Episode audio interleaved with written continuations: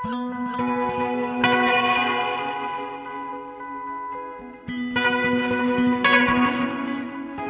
og sæl, kæri hlustendur. Halla Harðardóttir og Melgorka Ólafsdóttir heils ykkur úr hljóðstofu Víðsjár þriði daginn 27. september. Í þætti dagsins samfélag symfoníuhljómsveita, afþreyingar farsi og lifandi þjóðtrú. Stengrimur Eifjörð sínir þessa dagana ný verk í Kvarfisgaleri við Kvarfisgötuna.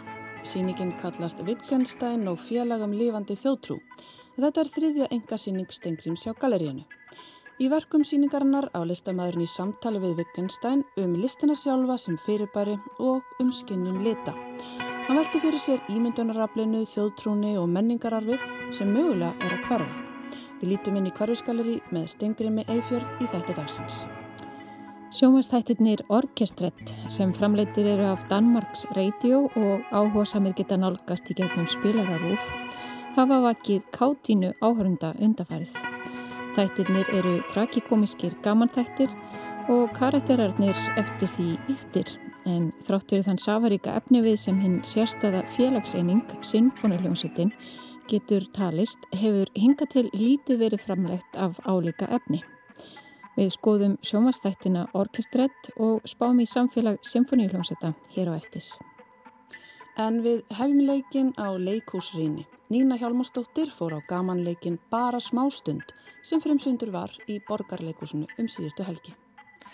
Orðið farsi samkvæmt Britannica orðabókinni var fyrst notað í tengslum við leikus í Fraklandi á 16. öld til að lýsa því þegar leikarar spunnu í kringum trúarleikrit og bættu þannig við þau sem vísar þá til matargerðar þar sem farsi þýðir líka fylling. Farsi er því gamalt form með ennþá eldri rætur og gegnir mikilvægu hlutverki í leikúsi en í dag er hægt að raukstiðja að aðstæðna komedía sem á ennsku heitir sitcom sé sjómars útgáfa af farsa. Eins og við þekkjum farsan út í dags er hann komíst dramaverk sem inniheldur ólíklegar kringumstæður, stereotypiska karaktera, íkjur og ærslaskap. Hrein skemmtun til að hlæja að og losa spennu. Stundum er þó farsar með pólitískum undirtónum enda er húmórin besta leiðin til að hreyfa við áhörundum. Sem dæmi geti nefnt ítalska skáldið Dario Fó en hann uppskar bæði Nobelsverlaun og fordæmingu frá Vatikaninu fyrir farsa sína. Farsinn bara smá stund var frumsýndur í borgarleikusunni síðastliði förstudagskvöld en verkið er eftir eitt fremsta leikskáld frakka Florian Seller og var frumflutt árið 2013. Við erum stötti í glæsilegri íbúð í París í samtíma okkar. Aðalpersonan hann Michel er menta elitu snoppari sem á svo óurlega bátt því honum langar svo að hlusta á sjálfgæfu jazzplötuna sem hann fann á markaðnum um morgunin en fær engan frið til þess. Einkona hans, hún Natalie, vil endilega ræða við Michelle um áhyggjur sínar af hjónabandinu og síni þeirra og að henni líði eins og líf hennar hafi enga merkingu. Smám saman byrjar allt að fara til fjandans eins og gerist í försum með tilheyrandi miskilningi og hurðaskellum.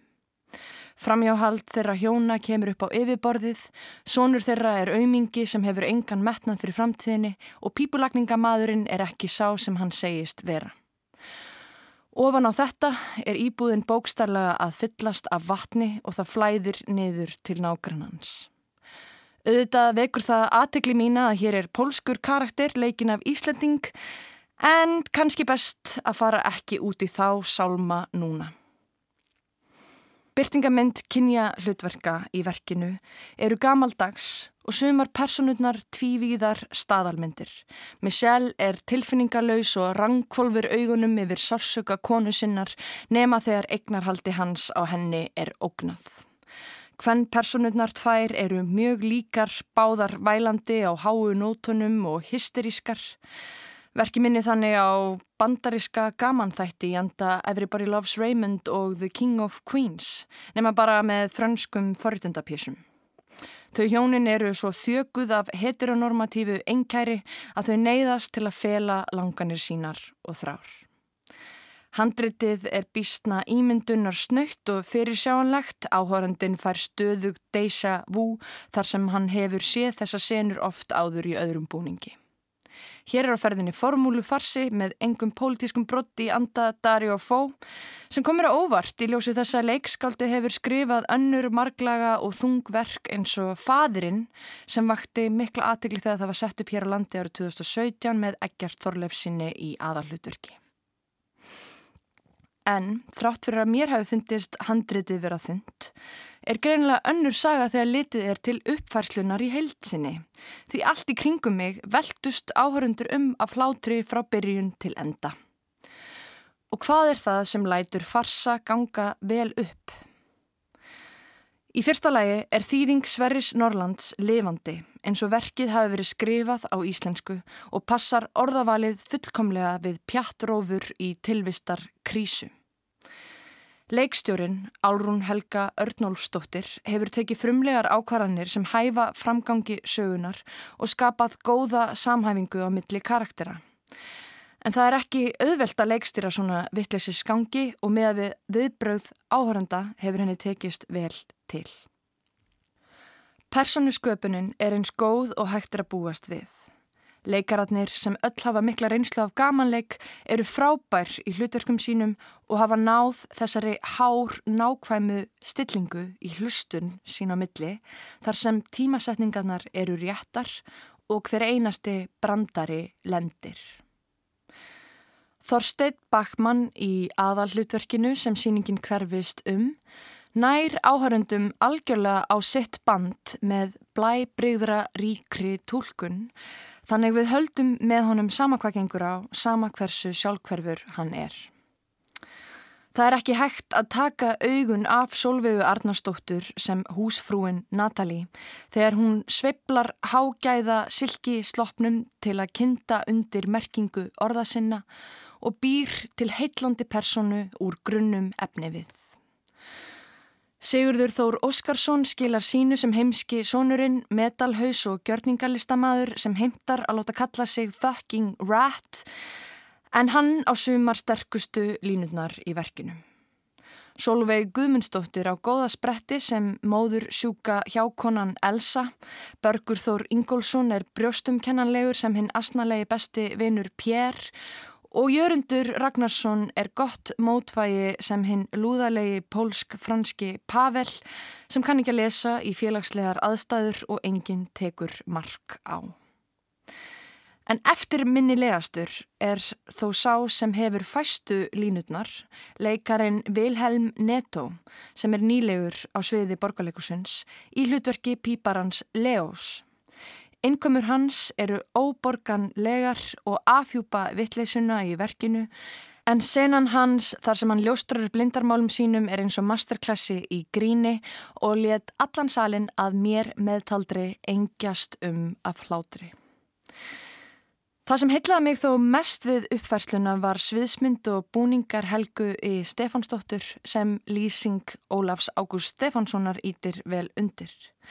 Hver persona hefur sinn enginnis lit og klæðist honum frá toppi til táar í fötum sem undurstrykka þjóðfélagsstöðu þeirra og smekk.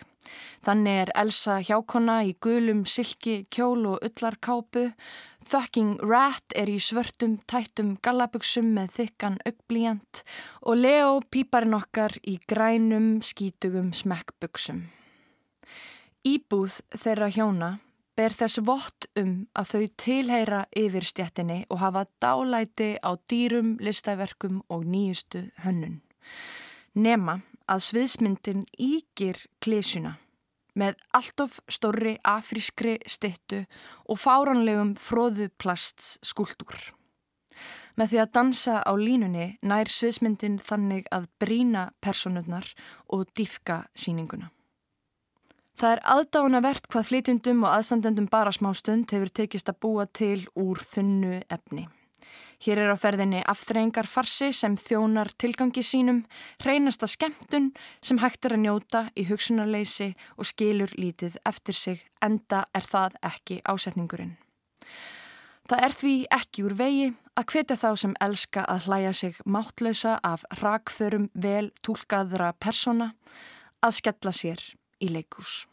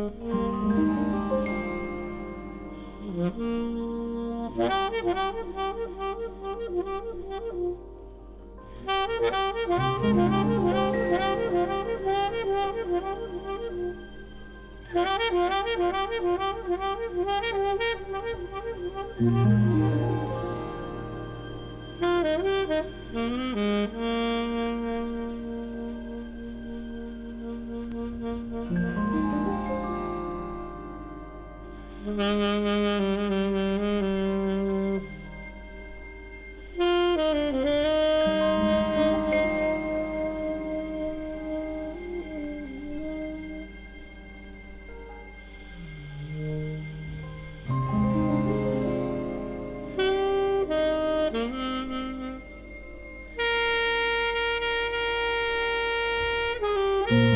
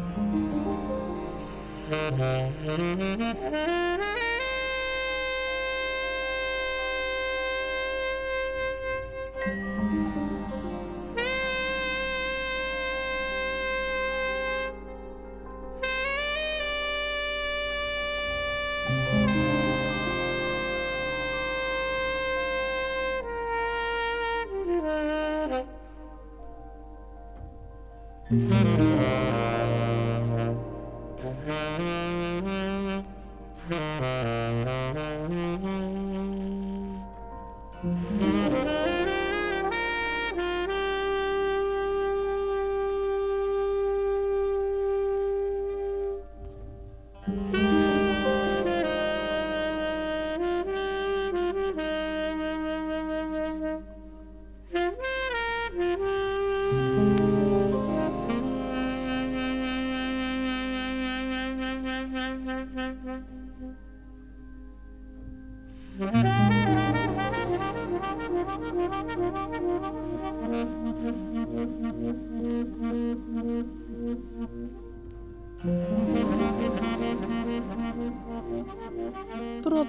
Plötunni Promises með saxofónleikarnum Faroa Sanders, plötusnúðunum Floating Points og Sinfoníuljómsveit Lundúna frá árinu 2021. Hér á eftir Pistli Nínu Hjalmarsdóttur sem er indi gamanleikin bara smá stund sem fremsyndur var í borgarleikusinu síðastlið förstaskvöld. Jazz-saxofónleikarin Faroa Sanders sem lést 81 á skamallum síðustu helgi var góðsögn í jazzheiminum. Hann spilaði stóra rullu í þróun frí jazz og trúarlegarar jazztónlistar frá og með sjönda áratug síðustu aldar og hafði enginandi og sérstæðan algun í saxofónleik. Sanders var þekktu fyrir nótkun yfirtóna og hljómtóna eða multifonics á samt fleiri nýstárlegum aðferðum í spunalist. Hann leki hljómsveit Johns Coltrane á sjönda áratugnum og var það sögn Ornette Coleman líklega besti tenorsaxofónleikari heims. Eftir Sanders likja yfir 30 plötur þar sem hann leikur leiðandi hlutverk á samt fjölmörgum öðrum samstagsverkefnum. Heyrum annað brot af síðustu hljómplutinni þar sem snilli Faroa Sanders fær að njóta sín, Promises. Platan var vínill vikunar hér á rás 1 í lok janúar síðastlunum, svo áhuga samir geta hlusta á hana í heilsinni í spilara Rúf.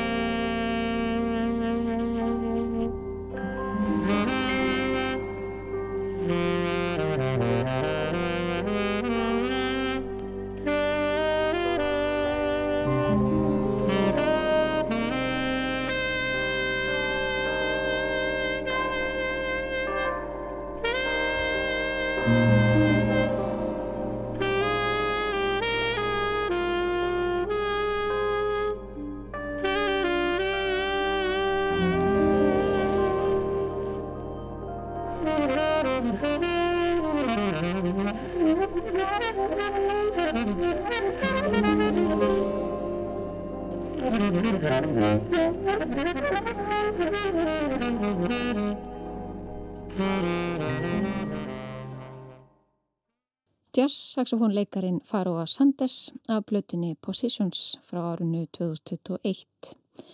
En þá höldum við niður í miðbæ Reykjavíkur. Ég veit það ekki, kannski virkar þetta eitthvað svo sem. Þetta, Yes, wow. Þetta glýsir meira einhvern Já. Við gerum það ekki sko.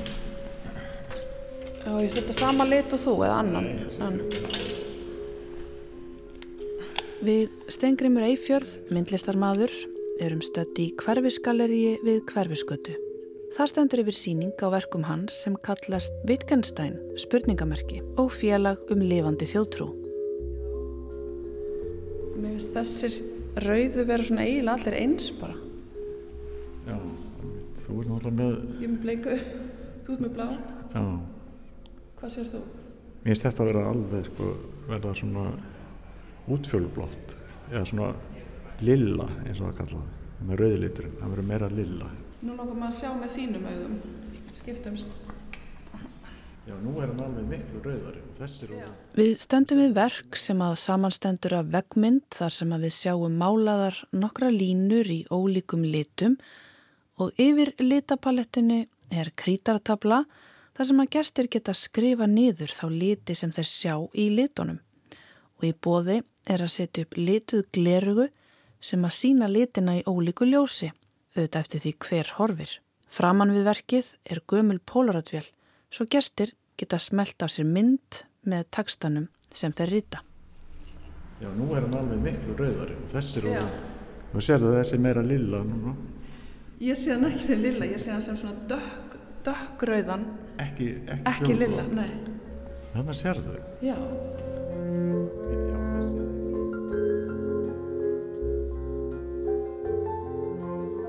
Í verkunum á síningunni koma fyrir textabrót og myndefni sem vísa annars vegar til íslenskrar þjóðtrúar og hins vegar til skrifa heimsbyggingsins Ludvigs Wittgenstein. Nánar tiltekið til Rits hans, Bemerkungen die Farben eða nokkur orðum liti. En hann ritaði það fyrir andlátt sitt árið 1950. Í reytinu veltir Wittgenstein vöngum yfir tengslum sjónskinsins, lita, raukhugsunar og tungumálsins. Hann skoðar hefð svo kallaða gráa svæði þar sem að hugurinn tekur við af því sem að augað nemur, af myndfleti eða í umhverfinu, þá liti sem við teljum okkur skinja en eru í raun ekki til staðar og eru hugarsmíð okkar. Við stöndum hérna við eh, fyrsta verkið þegar við göngum inn í salin Wittgenstein, spurningamerki, skær guld sem umleikur textan. Þetta er græn. Ertu viss?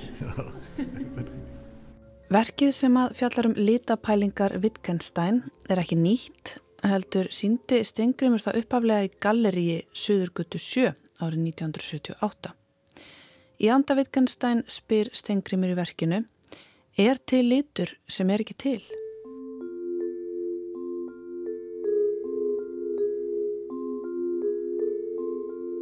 Hvað viltu vita? Ég vil vita af hverju þú fórst að hugsa um þetta verk sem að þú síndi 1978. Að því ég átti eftir að klára það. Og svo einhvern veginn er ég búinn að vera að hugsa um það í nokkur ár og, og hérna, hvernig ég á, og svo bara var tækifæri núna að klára þetta. Þetta er náttúrulega hugmyndi gefin frá Wittgenstein og þá aðalega þegar hann var að tala um lítblindu og annað. Og þá er spurning sko þegar eins og ég seti upp hérna þú farið mismunandi litu gleru, þú serðu öðruvísi liti en getur þá valið einhvern lit sem sitt hver aðeins sér öðruvísi og komast að það sé til. En vegna þess að, að það er mismundi litaskynum þá er hann í raun og veru ekki til. Nefna fyrir þann sem sér hann.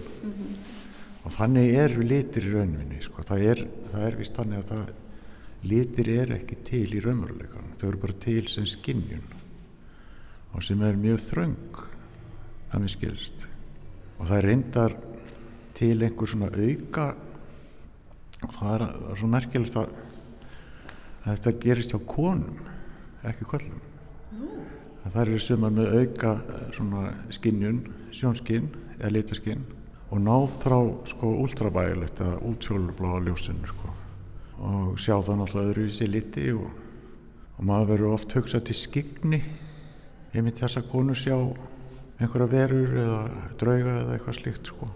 Það er kannski komið skýringin.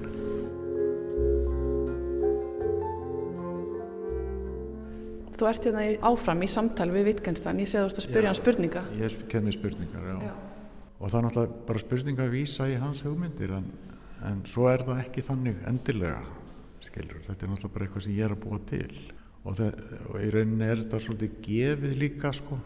Þú veist að setja þessa stafi eða þessi orð heiti á litum og, og, og vera með mismunandi liti orðun og það getur svona ruggla fólk pínlítið Wittgenstein, er til stjórnmálaflokkur sem er ekki stjórnmálaflokkur?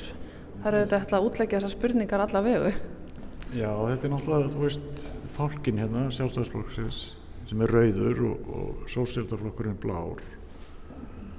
Eða þetta meikar ekki sens, skilur. En það gerur það samt einhvern veginn. Það er einhver hlut af okkur sem skilur þetta. Já, við þurfum kannski ekki endilega að vita hvaða hluti það er. Nei, nei. nei, nei. Í einu verkana á síningunni sjáum við loftmynd af reyniskverfi í Mýrdal en Stengrimur eitti þar sumrunum sem drengur. Við hlið landakortsins sjáum við verk sem er eins konar hugarkort eða sálfræðilandslag eins og Stengrimur kallaði það sjálfur í samtalenu af sama svæði. Þar sjáum við meðal hana staði og hugmyndir sem eru til eða ekki til eftir hvernig litið er á það. Þeir eru allavega til í þjóðtrú og munmælum. Já þetta er náttúrulega, e, eru, eru atriði sem eru sko til fyrir fólki og það er náttúrulega þetta samkómulega sem er gert á þess að lýsa því yfir að það sé til eins og völvuleiðið til dæmi sko sem að einhvern tíman hefur átt sínu uppbrunna og einhver saga í kringum það og síðan týni sagan í gegnum tíman og en það verður eftir að að slá ekki grasið og þessi ákveðin helgi yfir því og svo framvegið sko. Mm -hmm. og, þetta er náttúrulega samkominlega sem er kannski ekki til. Eins og litirnir. Eins og litirnir, já. En hlut, mjög stór hluti sem er grunnur býst ég við okkar menningu. Ég, er svona hluta alþýð menningu Nei, það var einhver kona þarna sem að, ég man eftir að hún dreymdi sko, það var snjóflóð sem fór yfir hérna fjárhús og hlöðu. Og rutti því alveg niður sko. Og hann að dreymdi sko sagt, að það var einhver dvergur í fjallinu komið þessu stað. Og þetta er náttúrulega bara hluti á þessu þessari þjóðtrú sko. Að einhvern náttúru fyrirbæri.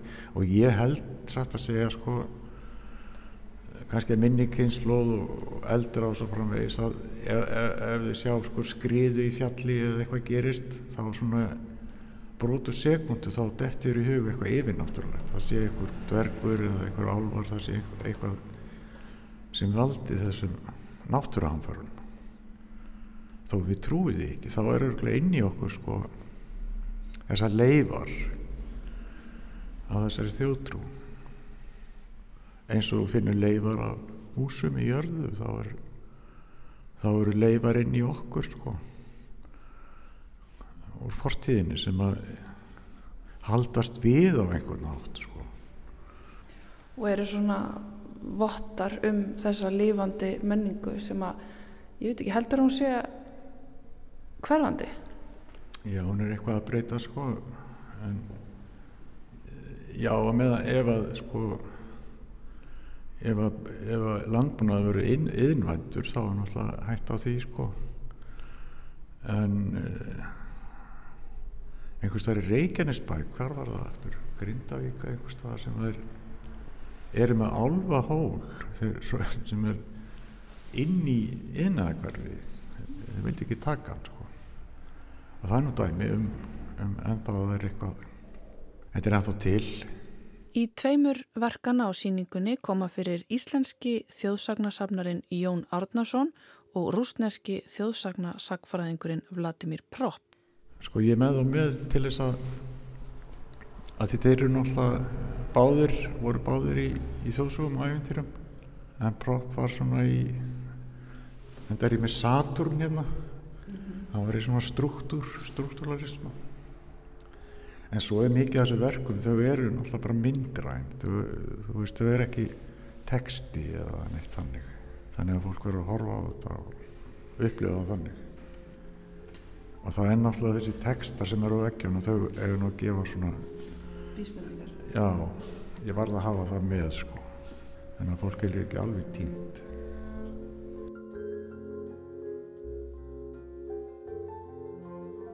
já, hérna er eitthvað sem ég serði hérna. Þetta er textin hérna. Svo fór ég með þetta í Google Translate yfir í mandarin kýmverska svo þýtti ég aftur yfir íslensku. Og þá færðu sko eins og brúsapallur verður það gósbrunn pallur þannig að þetta er líka hugleðingu um það sko hvernig ef að kýmur að taka yfir verður þetta ekki svona hérna hjá okkur Einhver verkana á síningunni tengir Stingrimur saman með bláu blómi og vísar þannig í tákn romantísku stefnunar á 19. öld og kvítbláa fánan sem að Einar Benediktsson hannaði 1897. En Stingrimur hefur hér átt daldið við fánan. Já þetta er sko, sér hérna ég set þessa punta hérna það verður fuggl hérna og andlita konu sérðu það? Já, Hárið hérna já. Hann er að breyta fánum en þetta er einmitt svona eh, einhver hugmynd sem að bara sangbúnlag og um eitthvað sem er ekki til bara einhver fantasía skaldaði veruleiki. Og það má segja það að einhver leitið svona þjóðurnisekja hún er einhver leitið þannig líka sko. Er ekki bara mjög margt í okkar samtali í dag og menningu þannig? það held ég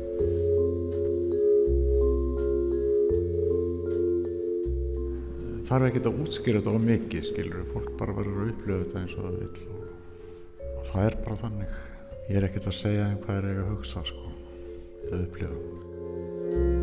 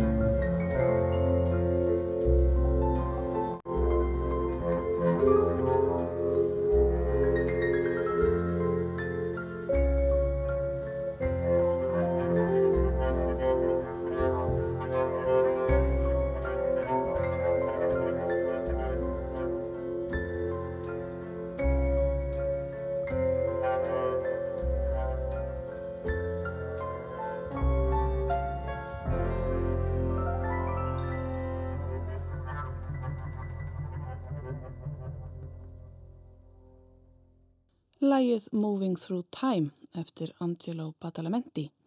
Hér á eftir samtali við Stengrim Eifjörð sem vill ekki segja gestum hvað þeir eigi að hugsa eða upplifa það verður að koma að sjálfu sér frammi fyrir verkunum. Og við mælum bara með því að hlustendur leggja leið sína í hverfiskalleri og upplifi þessi verk. Sýningin stendur yfir til 20. og 9. oktober. En þá er það heimur Sinfoníuljómsveitarinnar.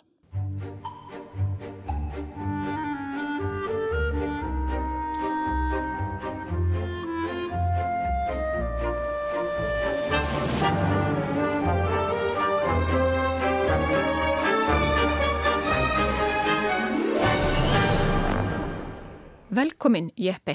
Gott að fá þig um borð. Þetta er erfitt umhverfi.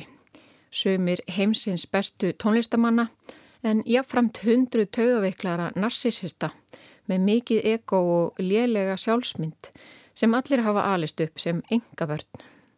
Hundrað egoistar sem eiga að skapa samfélag og við það áttu meðal annars að aðstóða. Svona hljóma ráðleggingar framkvæmdastjóra Symfóniljónsettar Kaupmannahafnar til nýráðins aðstóðamanns síns í sjómanstáttunum Orkestrett sem framleitir eru af DR og áhuga samir geta nálgast í gegnum spilara rúf. Þættirnir eru trakikomiskir gamanþættir og karakterarnir eftir því íktir en tilur sjómanstátana vöktu gleði margra sem höfðu jafnvel förða sig á því hversu lítið hefur verið framleitt af álíka efni. Symfóni hljómsettin er nefnilega margt mjög sérstæð félagseining og af nógu að taka fyrir þá sem leitað safaríkum efni við fyrir sjónvarp, kvikmyndir eða önnur frásagnaform. Byrjum á því að skoða aðeins fyrirbærið symfóniljónsett. Orðið symfónia er komið af grísku orðunum sim sem þýðir saman og fóni sem þýðir rött eða hljóð. Merking orðsins symfónia má því segja að sé að mynda hljóð saman. Viðegandi fyrir eðli og starf symfóniljónsveitarinnar sem vinnur jú að því markmiði að mynda heildrænan hljóm úr flutningi hátt í hundrað ólíkra hljóðfærleikara. Líka nokkuð magnað að hugsa til þess að á þeim tíma sem symfóniljónsveitin var að þróast og verða að því fyrirbæri sem hún er í dag gat mannlegur máttur með engu öðru móti myndað í stóran hljóðheim eða mikinn háfaða. Um miðja átjöndöld voru engin hljóðkerfi til, engar stórvirkar vinnuvélar, ekki einsunni útvarp. En þó svo allt þetta og meira til bergi, óumbyðið eða viljandi á hljóð himnum hlustenda samtímans, þá lifir symfóniljósettin enn góðu lífi að minnstakosti ennum sinn. Og kannski einmitt vegna þessa langlífis getur félagslega fyrirbærið symfónljósettinn gefið tilefni til allskynns vangaveltna um stöðu listarinnar frammi fyrir markasvæðingu nútímans, um valdakerfi innan tónlistarheimsins, um hinn ósnertanlega eða ekki svo ósnertanlega snilling og margt fleira. Á þessu hafa handritshöfundar orkestrett átta sig og fara sníðulega með það margt.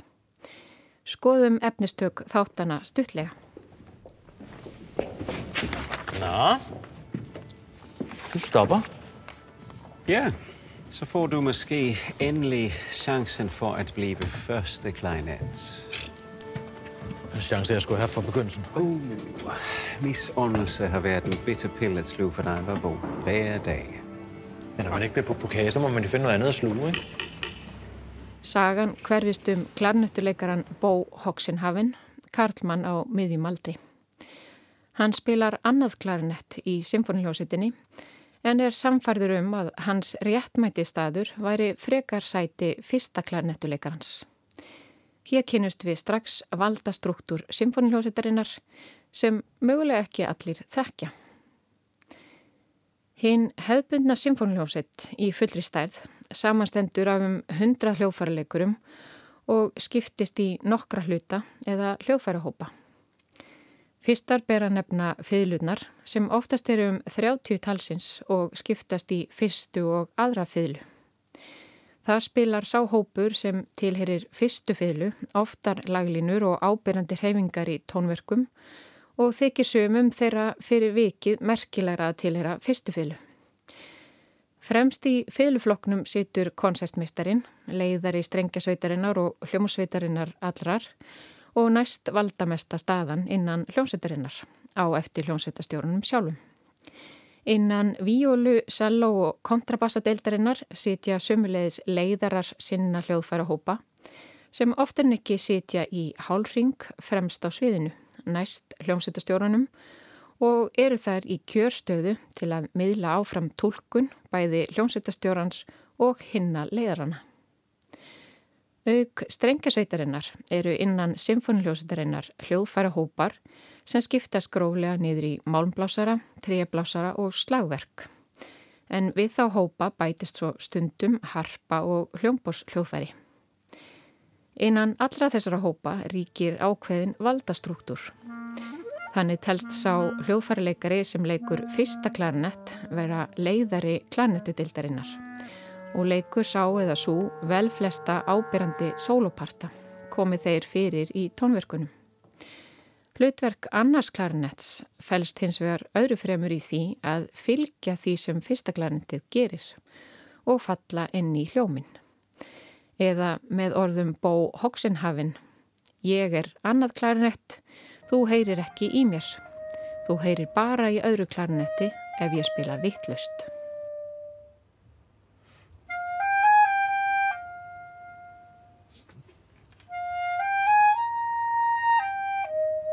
Söguþráður orkestrett hverfist um þá tókstreitu sem orð Bó Hóksenhafin endurspegla.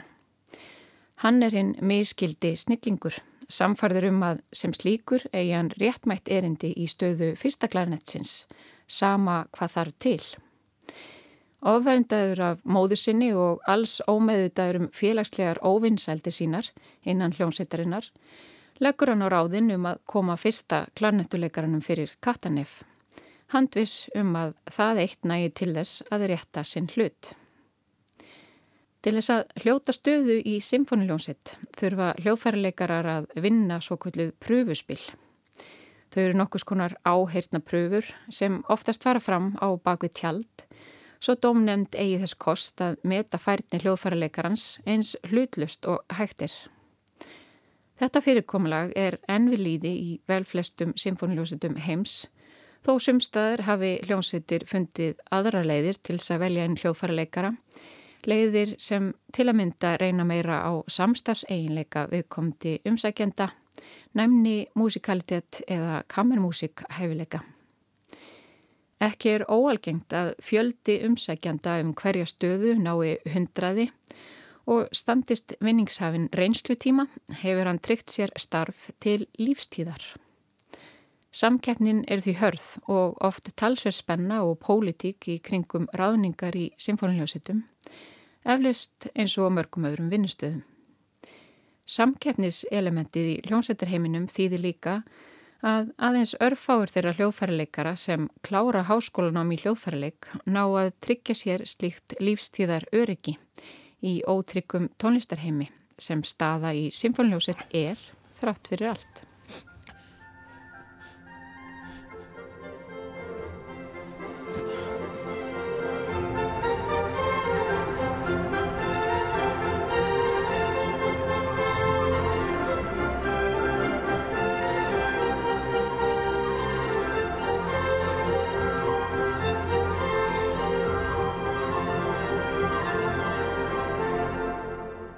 Í dönsku gamanþáttunum Orkestrett kynast áhörundur ímsum hliðum á þessum heimi.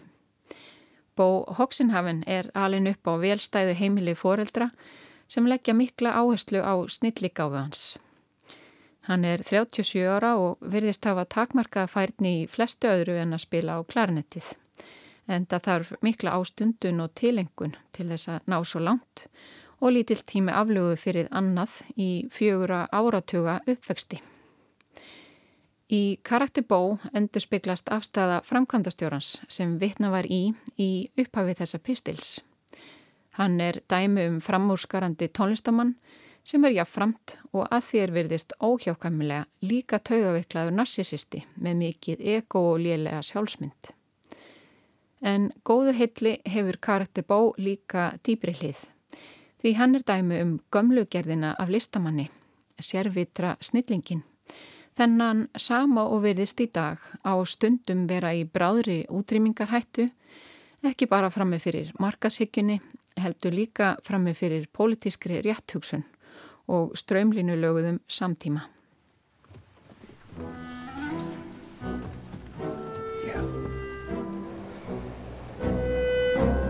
Så hvad gør vi med Simon? Vi har sådan set begge to en kæmpe interesse i at Í komiskri og lúmskri ádelu orkestrett er ekki bara unnið með valdastruktúrin innan symfónljónsetarinnar, heldur líka hlutverk hljónsetastjórans sjálfs. Og þar mætti eflaust líka draga fram ímsar geirfuglalíkingar.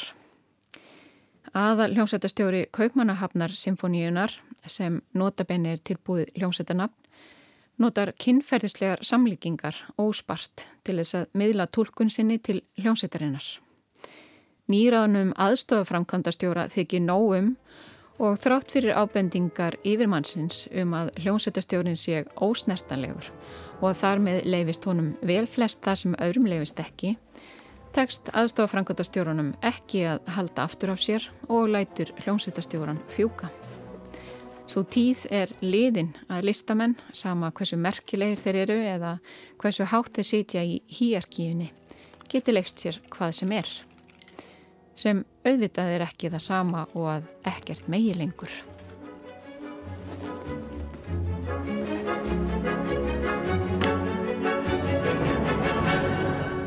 Okkar danska fræntþjóð telst Íslendingum líklega síður en svo eftirbátur hvað pólitíska rétthugsun varðar.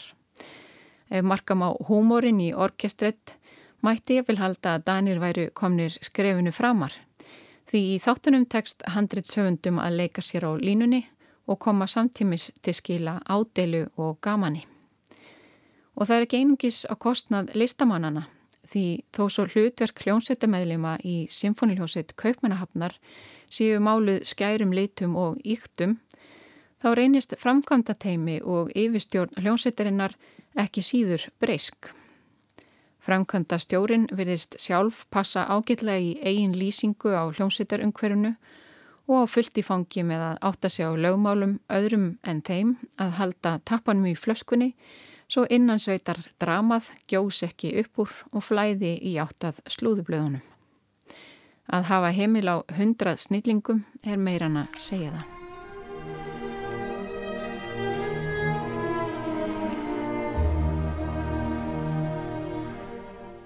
Sumum gæti þótt freistandi að horfa á sinfoníuljómsveitina sem fyrirbæri úr takti við samtíman.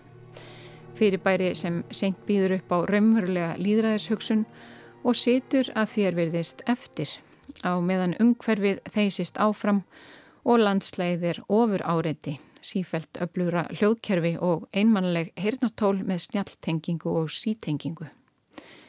En meira að segja í stjórnunafræðinum hafa menn viðukent að málið er ekki svo einfalt.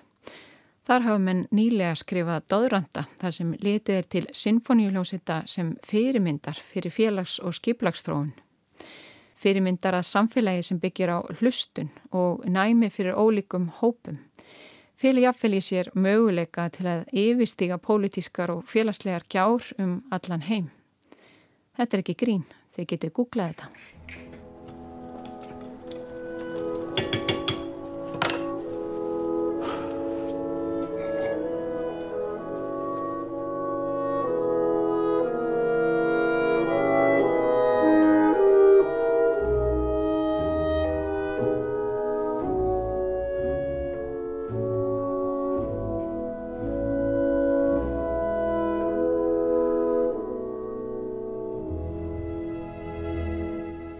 Klarentuleikarin Bó Hoxenhaven kengir stolti sínu þegar uppáhaldsnefandi hans hlítur meiri viðkenningu en hann sjálfur.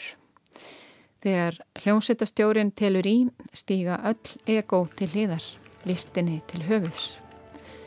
Markmið er eitt, það er sim og fón, það er samhljómur. Og það setja enn stóregar stúrkur í salnum.